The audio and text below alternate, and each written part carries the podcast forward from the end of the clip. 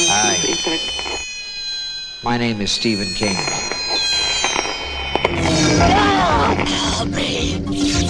I'm gonna scare the hell out of you.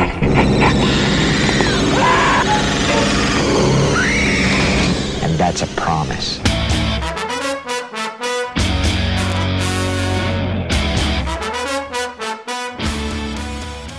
Witamy bardzo serdecznie w kolejnym odcinku podcastu Radio SK.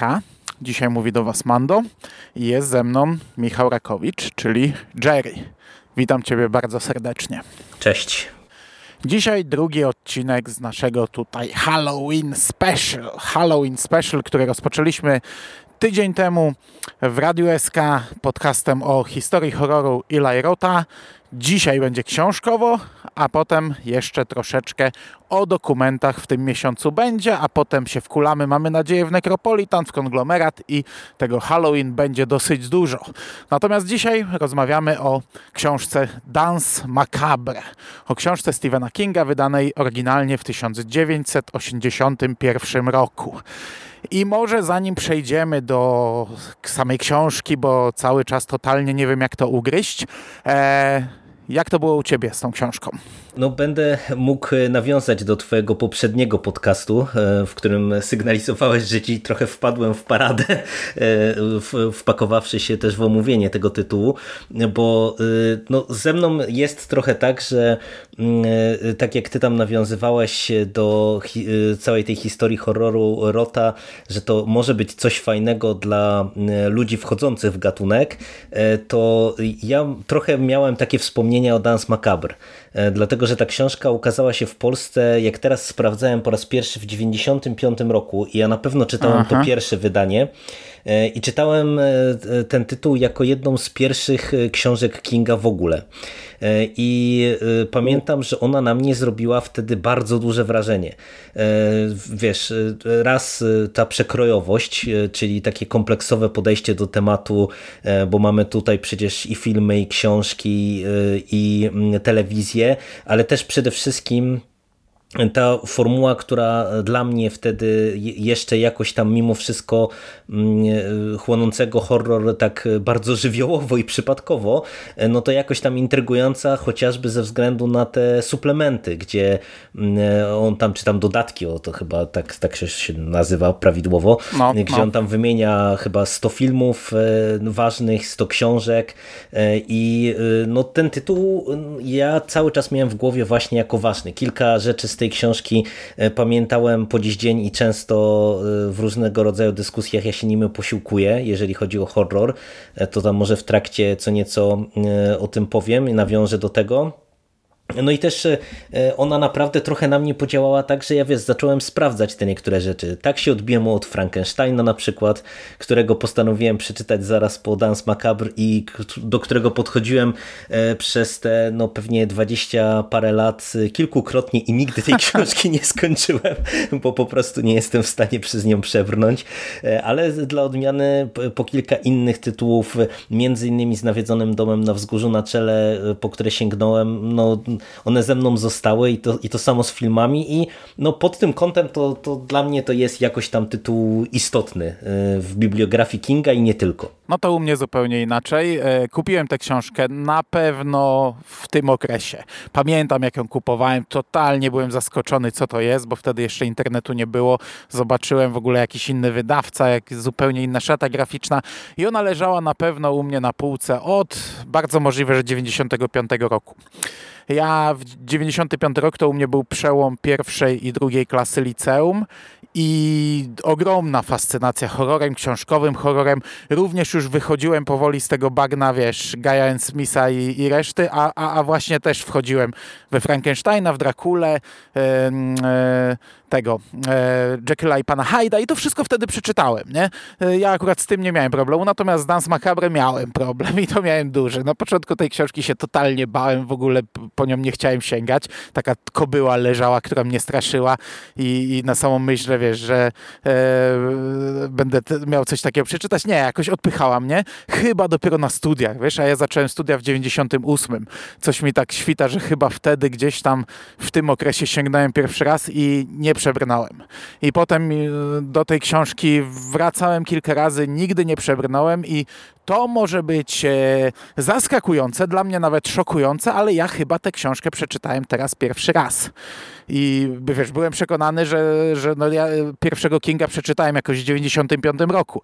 E, to jest ile? 25 lat, nie? No i od tych 25 lat niektóre czytałem po 7, po 5, po, po, po, po zylion razy, nie? A, a Dance Macabre nie. E, wydaje mi się, że dojechałem najdalej do do filmów, e, do telewizji chyba nie dojechałem wcześniej w tej książce. Kilka razy mierzyłem się z audio, bo od momentu jak to wyszło w audio, to cały czas miałem przy sobie i to było takie, że e, jak nie będę miał co robić, to sobie puszczę, nie? bo w końcu już tyle podobnych książek przesłuchałem, że z tym też sobie poradzę I, i wydaje mi się, że ten początek tam z 5 godzin to słuchałem naprawdę ze trzy razy w ciągu ostatnich tam, nie wiem, trzech lat. E, teraz pierwszy raz przeczytałem do końca, a że tutaj akurat o literaturze jest ostatni duży, długi blok, to tego nigdy nie czytałem, więc nigdy nie miałem tego, o czym ty wspominałeś, nie? Tego tutaj takiego e, kompasu Stephena Kinga, po jakich książkach warto się przejść i jak dojdziemy do tego rozdziału, to ja z kolei będę milczał raczej, przynajmniej jeżeli chodzi o same książki, bo może jedną z nich przeczytałem, naprawdę jest to żenujące. Jak, jak, jak słuchałem tego, to i, i, sama książka mi się nie podobała w tym momencie, ale to do tego dojdziemy. Ale moja wiedza na temat literackiego horroru, który proponuje nam King, była naprawdę żenująca. I teraz tak, po pierwsze nie sprawdzałem tłumaczeń. Wydaje mi się, że one nie zostały jednolicone.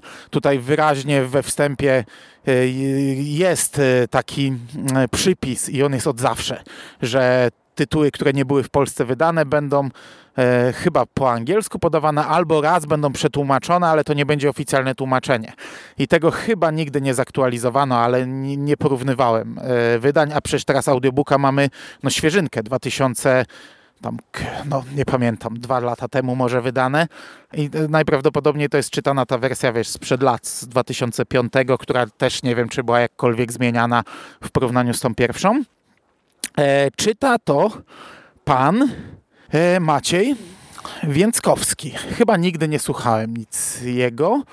I, I ty też przesłuchałeś w audio, nie? Teraz tak, czytałeś tak. to? Te, teraz e, też to było moje podejście w audio, nie do wersji papierowej. Ja nie spotkałem się wcześniej z tym panem. E, bez szału, ale bez uwag. E, tak bym ocenił. No ja też bez szału. Wydaje mi się, że jakby czytał mi zwykłą książkę, to trochę mógłbym mieć e, uwagi, a w tym przypadku jakoś tak sama forma już mi nie, nie, nie bardzo grała. Myśmy o tym rozmawiali, to jest 20 mhm, godzin tak, tak. czytania jak, jak, jak, jak to, to jest, gdyby to był podcast, gdyby to ktoś e, jakieś emocje wkładał w to czytanie, to e, tę książkę by się lepiej przyswajało, a tutaj mamy coś takiego, tak jak nie wiem, byś napisał recenzję na taką gigantyczną recenzję, a ktoś by ją po prostu odczytał i 20 godzin słuchania takiego um, takiego klepania po prostu, to tak, tak, tak sobie, no ale no, no, no.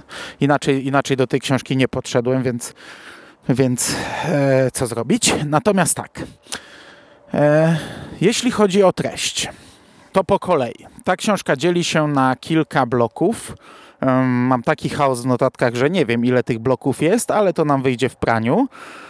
Zaczynamy od takich standardowych rzeczy, czyli po pierwsze wprowadzenie. Czym to ma być? To jest e, takie mm, zmierzenie się Stephena Kinga z horrorem, ale w konkretnym przedziale czasowym, czyli od roku 50 do 80. Przygląda się trzem dekadom horroru, czyli z naszego punktu widzenia tak naprawdę już to są ramoty, to są rzeczy, najnowsze z tych rzeczy mają już 40 lat, najstarsze mają tych lat 70. To są staroci.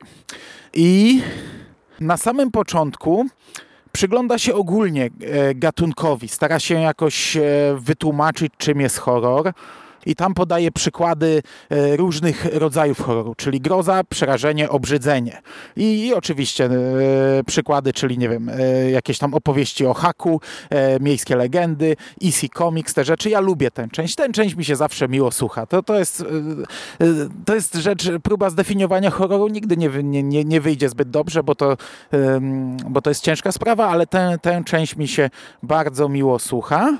Natomiast potem, e, zanim jeszcze przejdzie do takiego bloku konkretnie podzielonego na filmy, telewizję, książki, e, przedstawia nam tak zwane trzy powieści, fundamenty współczesnego horroru.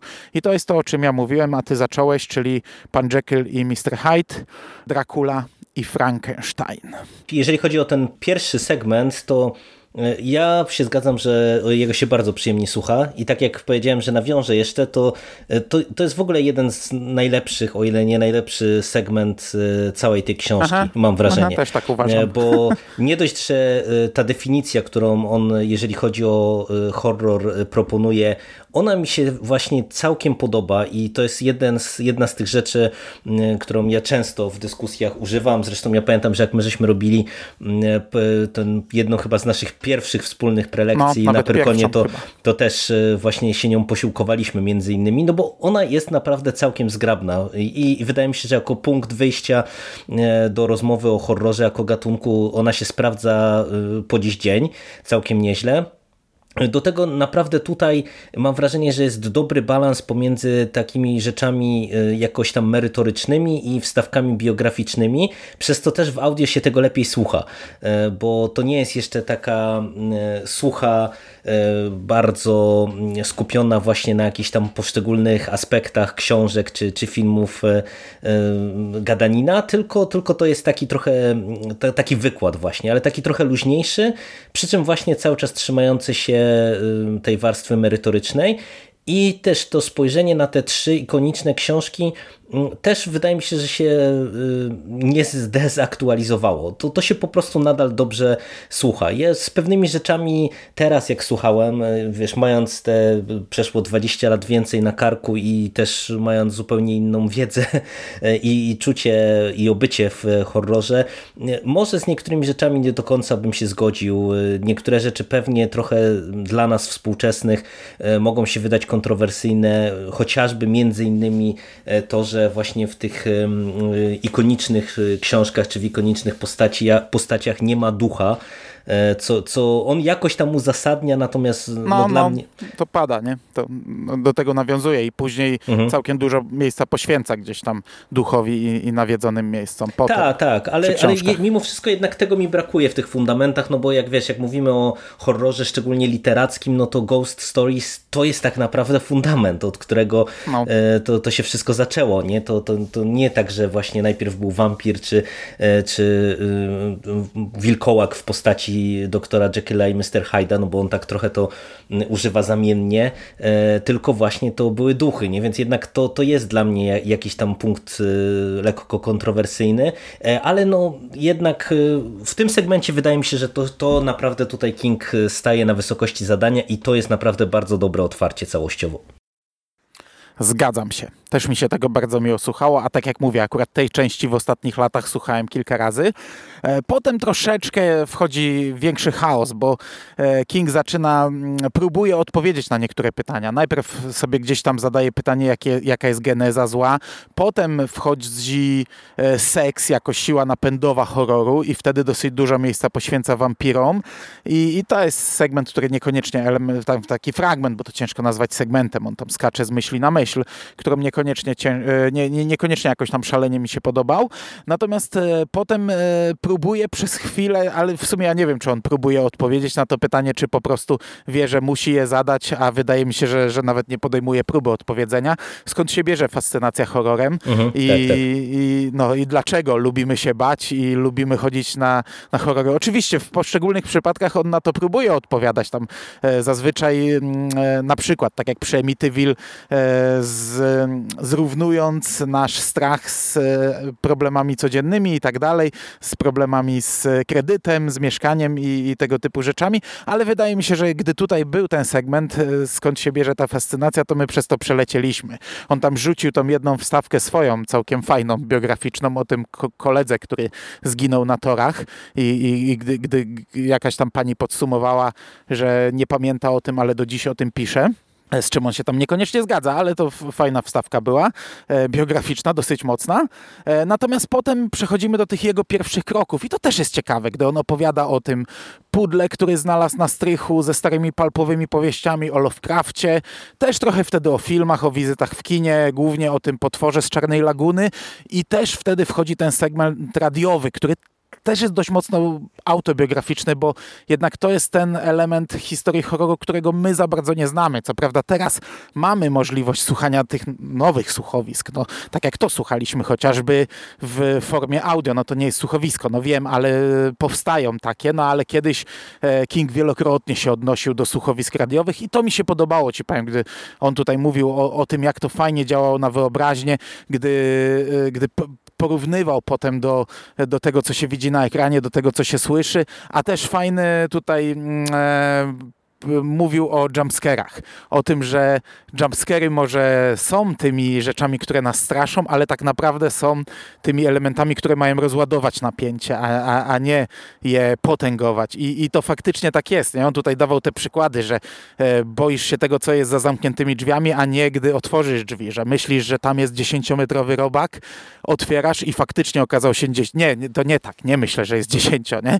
Otwierasz drzwi, wyskakuje dziesięciometrowy robak, o kurde, ale straszna, ale huf, dobrze, bo już myślałem, że będzie miał 100 metrów, nie? Na tej zasadzie.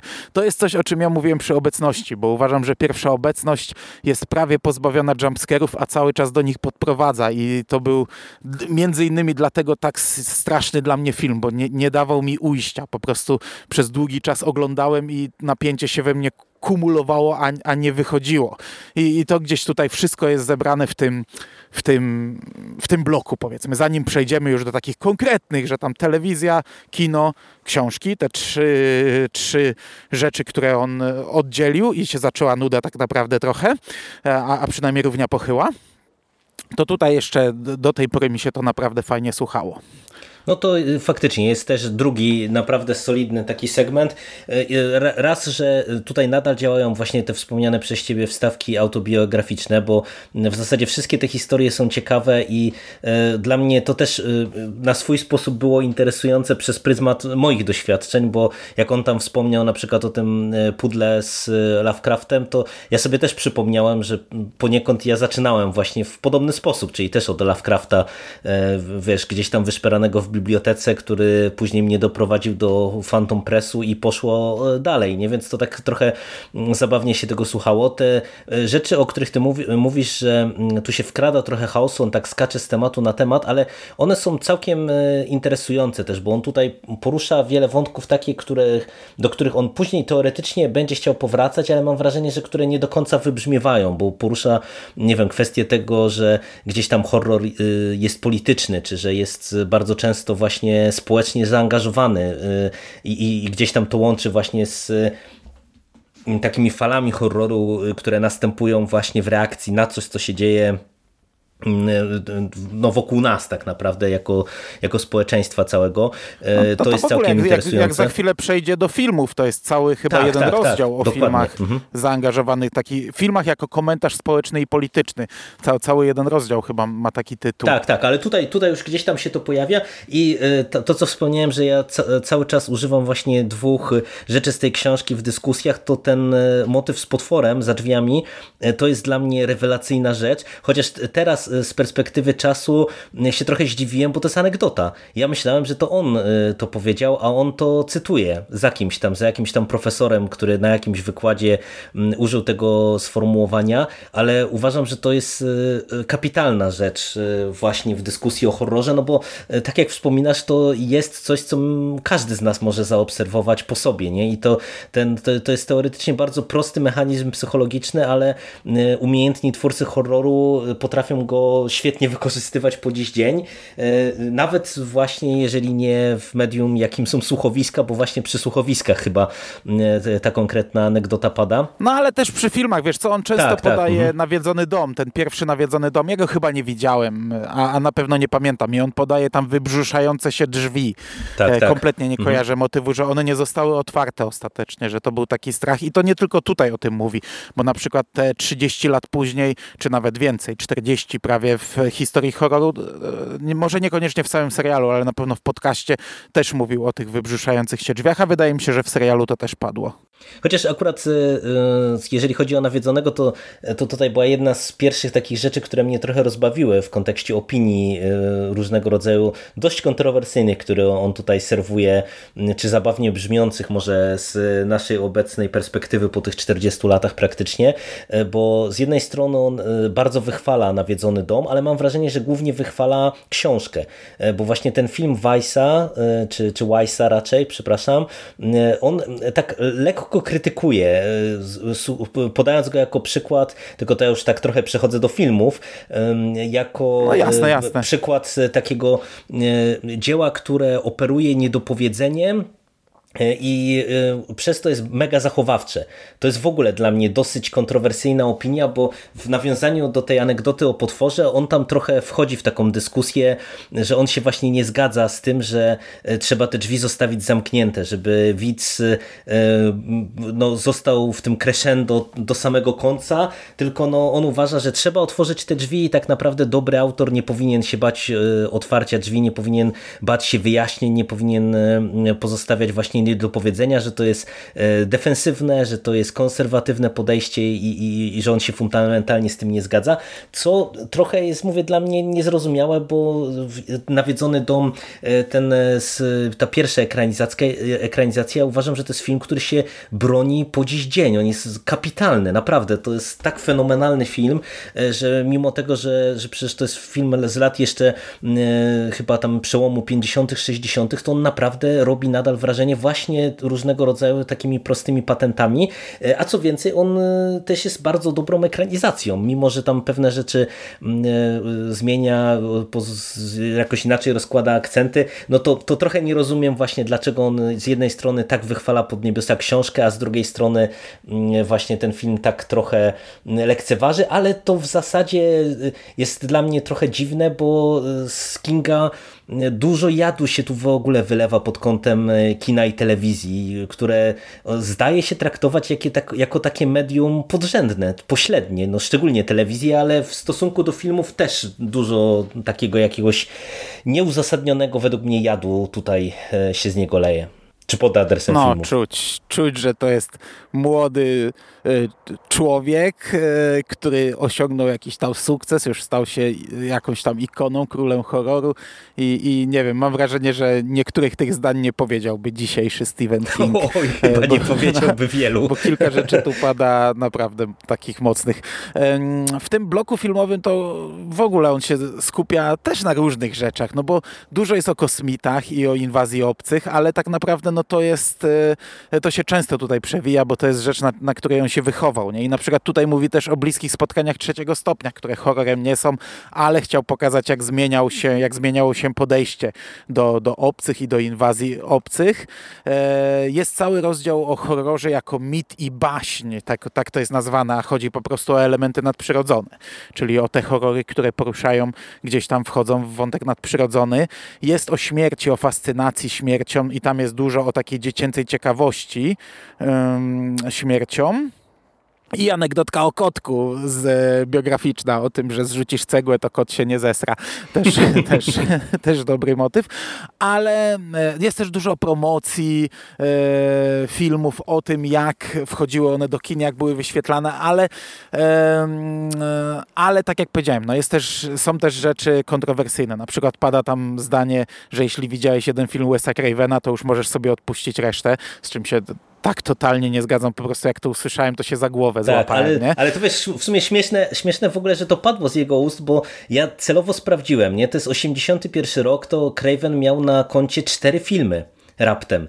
Więc to wiesz, to, to też, e, no nie wiem właśnie skąd pod adresem niektórych osób, e, bo ja tutaj jeszcze do kilku rzeczy takich bym się chciał odnieść, e, no on wylewa tyle jadu, no bo przecież no Craven nie dość, że te dwa przynajmniej jego pierwsze filmy, czyli Ostatni Dom po lewej i Wzgórza mają oczy naprawdę spotkały się z dużym sukcesem, z dobrym przyjęciem i, i on naprawdę tam bardzo mocno namieszał na tej filmowej scenie amerykańskiej, a to jest dwa z tych, a to są dwa z tych czterech jego filmów, no to w ogóle no, pod adresem tak młodego twórcy, no nie wiem, czy Aha. tak młody pisarz powinien sobie na tego, rzeczy, na tego rodzaju no. rzeczy pozwalać, bo to jest tak jakby Szczególnie, ktoś po... że czas pokazał, jak bardzo nie miał racji, nie? bo no, Craven może i nakręcił dużo złych filmów, ale kurczę, jak ja bym miał wybrać jednego ze swoich ulubionych twórców filmowego horroru, no to miałbym duży problem, ale bardzo możliwe, że sięgnąłbym właśnie po Cravena.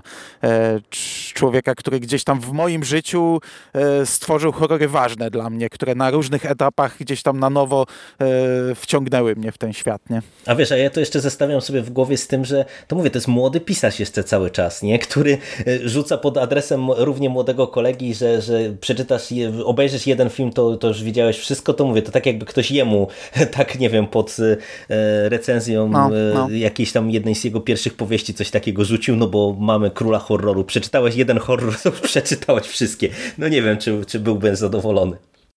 Mhm. Jest, e, bo, bo, bo King tutaj ogólnie też skupia się trochę na złych filmach i dochodzi do takiej puenty, że złe filmy mogą być ok, mogą dostarczać rozrywki, może być fajnie, ale tak naprawdę one mają za zadanie tylko nam pokazanie, że błądzimy i że pokazanie nam, co jest, co tracimy oglądając złe filmy i mamy sięgać po te dobre i gdy już sobie to uzmysłowimy, to wtedy sięganie po złe filmy to już jest totalna strata czasu i w ogóle zła rzecz, z czym też się nie do końca zgadzam, ale on tutaj też mówi o tych twórcach, tak, taki jest w ogóle jeden akapit o reżyserach, którzy są na tyle mm, e, silni, na tyle charyzmatyczni, na tyle jakoś tam, nie wiem, e, mają siłę przebicia, że trzymają się swojej wizji filmu, nawet jeśli wszyscy im mówią, że to będzie złe, że to będzie klapa i że tak powstało masę pereł, masę wspaniałych filmów. I tutaj pada jedna z krytyk lśnienia, której jeszcze nie słyszałem do tej pory w ustach Kinga, a myślałem, że, że, że już nie wiem, już to tyle razy słyszałem, bo on tutaj podaje faktycznie jako, jako przykład, że Stanley Kubrick jest też takim twórcą, który e, ma swoją wizję, także, także podaje go jako pozytywnego. To jest taki, nie wiem, to ma pewnie swoją nazwę, czyli e, powiedzieć, że jesteś dobry, ale tak naprawdę kopnę cię w tyłek, nie? Bo, bo, bo jesteś do dupy. I, I on tutaj mówi, że Stanley Kubrick jest jednym z tych twórców, nawet jeśli ostatecznie kręci irytujący, perwersyjny i całkowicie rozczarowujący film w rodzaju lśnienia. Tak, tak, tak. Irytujący, tak. perwersyjny. Nie wiem, co, nie wiem, o co mu chodzi. O co mu chodzi perwersyjny? Mnie nie pytaj. Nie, no nie naprawdę. To, to jest kolejne z tych właśnie takich perełek e, kingowych, które on tutaj nam serwuje. A potem, gdy przechodzi do telewizji, to co powiedziałeś, e, gdzie telewizję traktuje no, e, jako, jako naprawdę takiego upośledzonego brata. E, Nie, on, on tam... wręcz, przepraszam, wpadnę ci w słowo, on przecież w którymś momencie mówi o scenarzystach, e, nawiązując no, no. między innymi do Matesona i e, e, chyba jeszcze jakiegoś pisarza też, a wleciało mi nazwisko, nieistotne w tej chwili.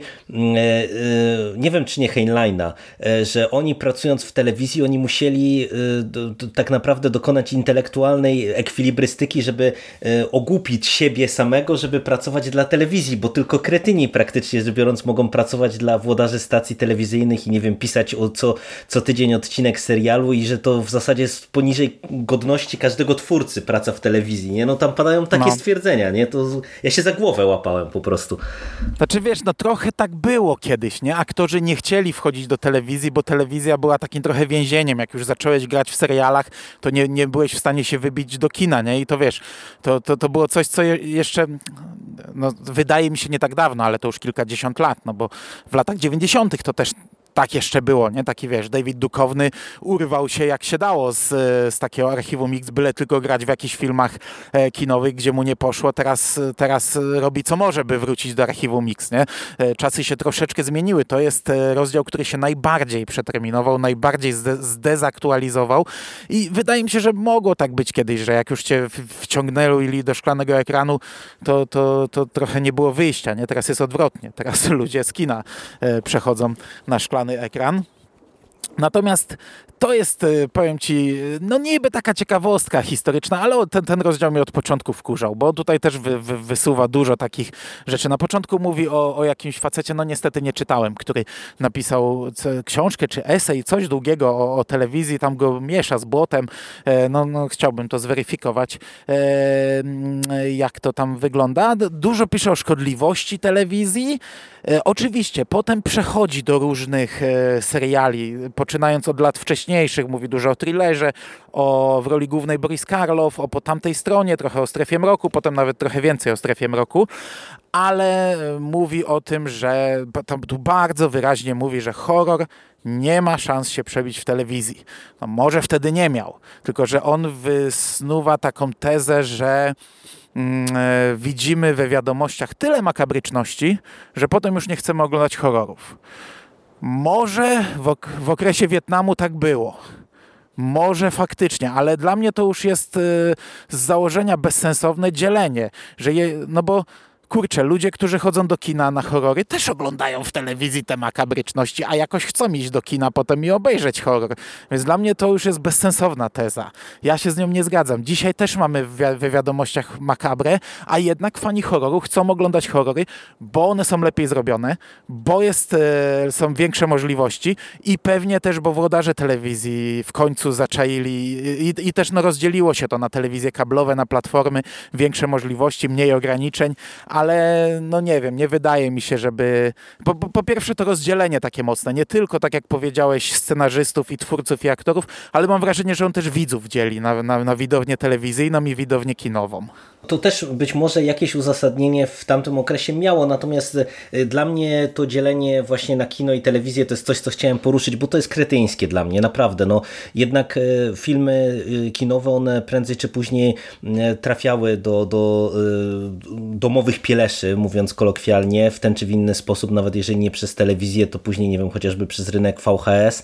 I, dla mnie to jest kompletnie niezrozumiałe, że on to dzieli, ale w ogóle cały ten rozdział z jednej strony, mówię, ja jestem w stanie nałożyć jakiś filtr taki w postaci tego, że mm, no, telewizja teraz, a telewizja w latach 80. to jest zupełnie coś innego.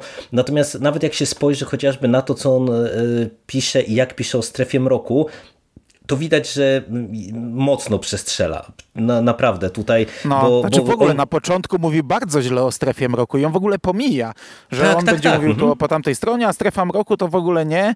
Potem faktycznie się rozwija, jest dużo więcej o tej strefie mroku, ale i tak o niej mówi źle. I to tak, znaczy tam mm, część odcinków chwali, ale całe serial ja miałem wrażenie, że raczej jest e, tak, słaba Tak, jest, jest krytycznie I o, i Sterlingu też, też raczej. Właśnie i, i nie, nie dość, że o samym serialu mówi dosyć e, negatywnie, to też jakby samego Sterlinga tak właśnie niby go chwali za, za te niektóre scenariusze, ale z drugiej strony cały czas właśnie podkreśla, że dał się zamknąć w tej telewizji, że go telewizja zniszczyła zniszczyła, że to, że to potencjalnie taki wielki umysł, który e, zaprzęgł się w takim medium, które jest nic nie warte. No, dla mnie naprawdę to się średnio broni, bo no, wydaje mi się, że patrząc z dzisiejszej perspektywy, no to oczywiście pewnie część odcinków Strefy Mroku, e, tutaj Randall mógłby z Jackiem Rokoszem nam coś więcej pewnie powiedzieć w tym temacie, czy Skóra, e, jakoś się tam zdezaktualizowało, może się ogląda gorzej, ale no jakby wpływu Strefy Mroku na wiele pokoleń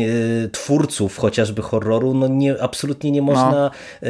nie docenić i to jest tym bardziej dziwne, że on on na przykład tam czasami mam wrażenie, że sam sobie przeczy prawie, że strona po stronie, bo on z jednej strony właśnie e, tak bardzo krytykuje e, telewizję e, i, i w ogóle horror telewizyjny, a z drugiej strony na przykład podkreśla, że ta strefa mroku leci prawie, że non-stop w jakichś tam powtórkach, no co wydaje mi się, że właśnie chociażby tak, w, w, w takim aspekcie, wiesz, formacyjnym, jeżeli chodzi o odbiorcę horroru, no to moim zdaniem to, to jest coś, co e, było na pewno nie do przecenienia już wtedy. Tak jak horror, komiksowe horrory e, w latach tych 50. i 60., które były dla wielu młodych odbiorców czymś, co ich później ukształtowało, co, co przecież też Kinga poniekąd ukształtowało. Tak wydaje mi się, że właśnie nie bez przyczyny tak wielu twórców współczesnego horroru odwołuje się do tej strefy mroku. No to, to, to wiesz, to, to nie jest, to nie bierze się z niczego po prostu, nie? Aha. Aha. Ale też na przykład pada, bo, bo, bo też dużo mówi o Kolczaku, Night Stalker, mhm, o tak, tak. Dark Shadows, i potem na filmy telewizyjne przechodzi, ale to to już tam powiedzmy, do, zakładam, że filmy telewizyjne faktycznie były kiepskie, ale na Kolczaku tam sobie naprawdę nie pozostawia suchej nitki. Ja co prawda nie widziałem tego Night Stalkera oryginalnego, telewizyjnego. Zaczynałem oglądać tego, którego Frank Spotnic robił bodajże. Eee, no nie, on po pierwszym sezonie był skasowany, także nawet nie jestem w stanie powiedzieć, a ja nie widziałem całego pierwszego sezonu, ale tam jedzie po nim równo, że po tych filmach kinowych ten serial był tragiczny i może możliwe, że on był tragiczny, ale też, też tam pada taka teza, że e, widzowie kupowali coś raz w kinie, kupowali drugi raz, ale jeśli potem co tydzień detektyw wyruszał na jakieś nadprzyrodzone e, sprawy rozwiązywać, to już to przestali kupować. Też tego nie rozumiem. To jest bez sensu. No, moim zdaniem jest to bez sensu, tym bardziej, że e, chociażby tam te lata 70., 80., no to był też rozwój e, tych seriali kryminalnych wszystkich. E, i, I wiesz, no, no, no, no. To, jest, to jest rzecz, która jest e, no, kompletną taką antytezą tego, co się wtedy działo, no bo ja nie rozumiem, dlaczego na przykład, nie wiem, kryminał miałby działać, a, a horror taki nadnaturalny e, z przysłowiowym Aha. potworem tygodnia miałby nie działać. No, mówię, wydaje mi się, że on tutaj po prostu nazbyt wiele rzuca takich e, osobistych widzieczek, jakieś bazuje na osobistej antypatii, a nie na jakimś researchu tak naprawdę jakimkolwiek, nie? Tak jest. Dobra, i zejdźmy z tej telewizji.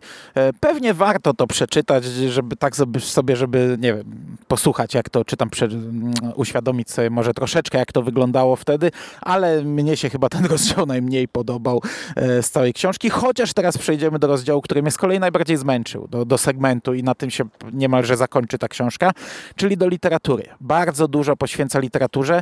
Ja tylko tak szybko przejadę, wypunktuję, o czym mówi. Ja niestety o większości rzeczy tutaj nie będę w stanie powiedzieć. Zaczyna od duchów, od Petera Strauba i upiornej opowieści, o tym głównie. Przechodzi przez dziecko Rozmery, przez inwazję pożeraczy ciał i tutaj już mogę zaznaczyć, że on tutaj czasami w, w umieszcza w tekście listy, które dostał od danych autorów. Także znajdziemy na przykład e, Jacka Fineya, wypowiedź na temat inwazji porywaczy ciał, ale też innych wcześniej możemy znaleźć jakieś ich wypowiedzi, które są e, konkretnie do Stephena Kinga napisane i powiem Ci, że wypowiedź Jacka Fineya o ukrytych znaczeniach i przesłaniach w inwazji porywaczy ciał to jest złoto. To jest coś, co mi się strasznie tak, tak, tak. podobało tak. w tym segmencie, bo, bo ta książka była interpretowana na taki sposób konkretny, że to jest po prostu e, jak łopatą do głowy wtykane, a, a autor mówi, że absolutnie w ogóle o, o, tym nie myślał, po prostu chciał sobie napisać dobrą historię i się dobrze przy tym bawił. E, i to mi się fantastycznie czytało, bo ja też tak podchodzę bardzo często do książek. E, jakiś potwór tu nadchodzi i Ray Bradbury.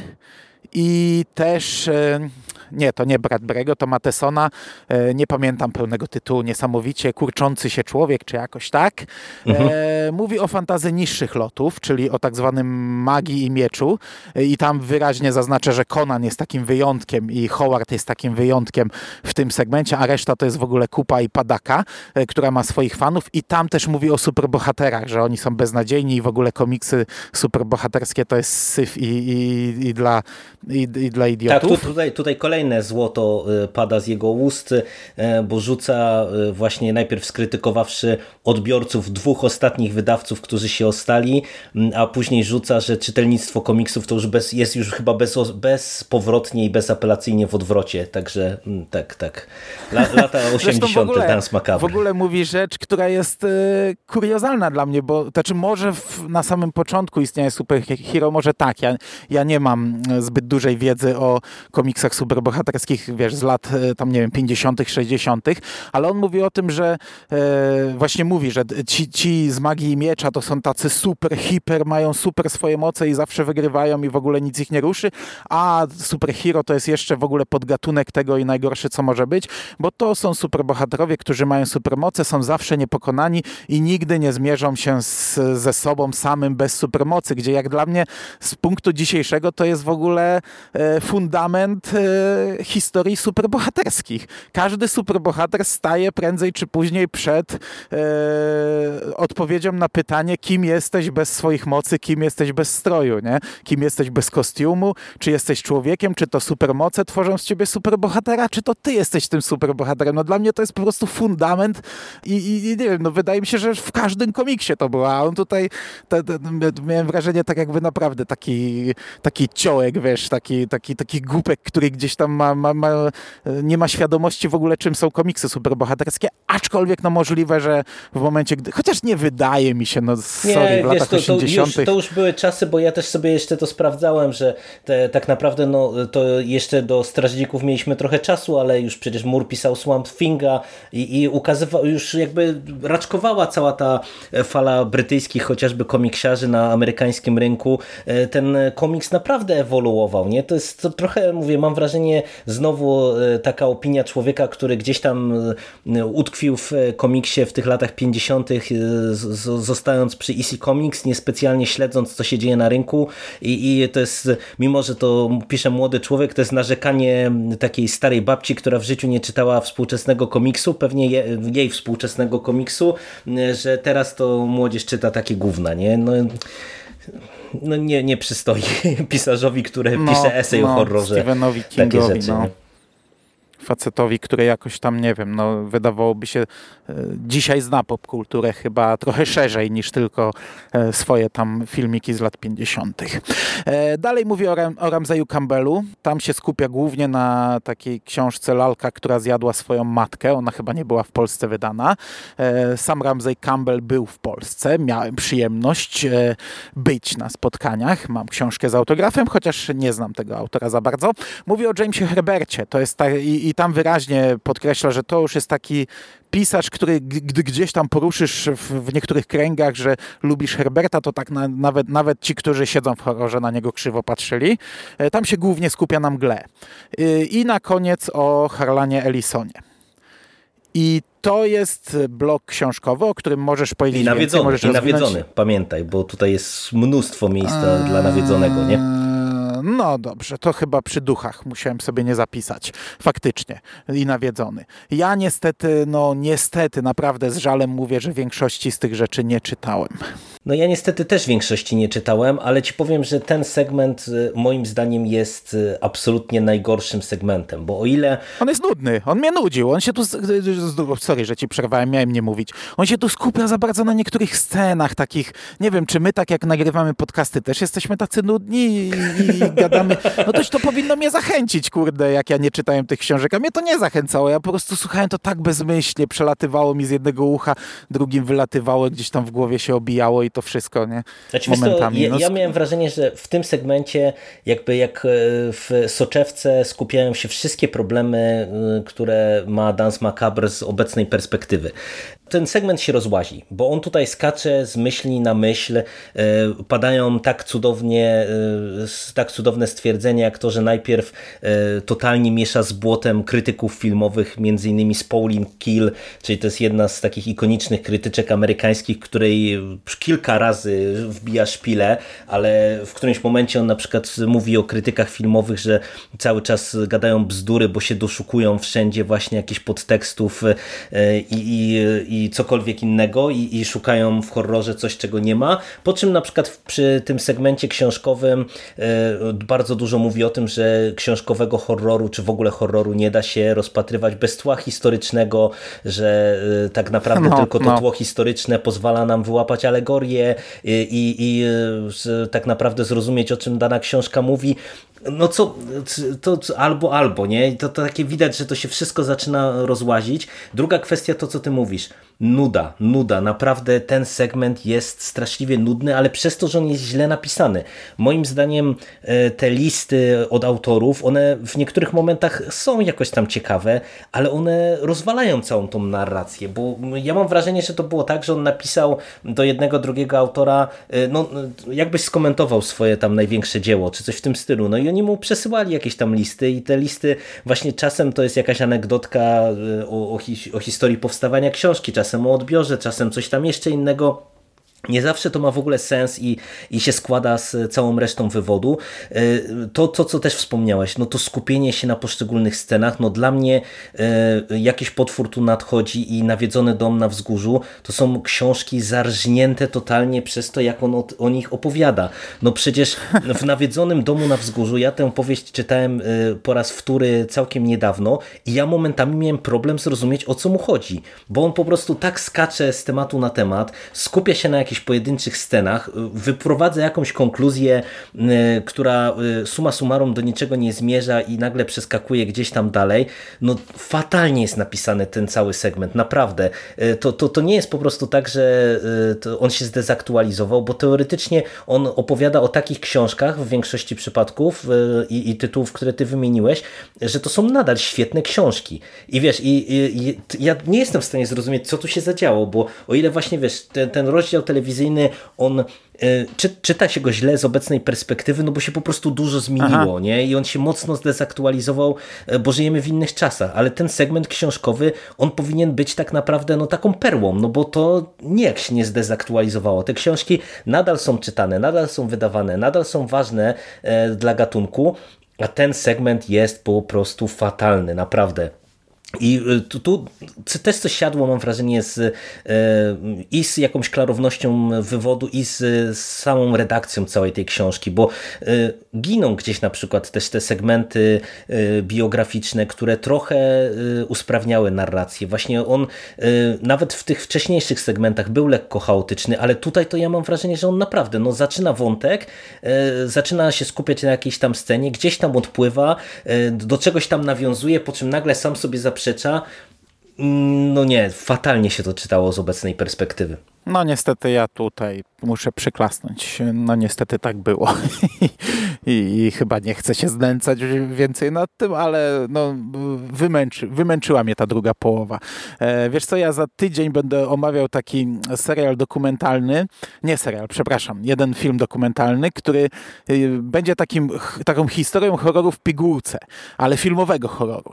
I ja ten podcast nagrałem zanim e, skończyłem czytać Dance Macabre i tam się często będę odwoływał do Dance Macabre i, i, i na koniec będzie taka puenta, co lepiej e, wziąć, te, ten film czy Dance Macabre. I raczej do, dochodzę do wniosku, że Dance Macabre, przy czym, e, żeby było jasne, już teraz to mówię, ja, ja tam się skupiamy tylko na tej części filmowej, na książkowej nie, a ta druga połowa niestety mocno zaniża tę książkę e, i jakość, ocenę tej książki. I musimy powoli kończyć, kolego. Mhm. Natomiast na sam koniec mamy jeszcze jeden rozdział taki, mm, pomijając te listy, bo o tym już wspomniałeś, o tym, o tym spisie. Ten ostatni rozdział, który jest trochę o tak, taki trochę biograficzny, trochę takie anegdotki o ludziach, którzy coś zrobili niby pod wpływem horroru Stephena Kinga. Eee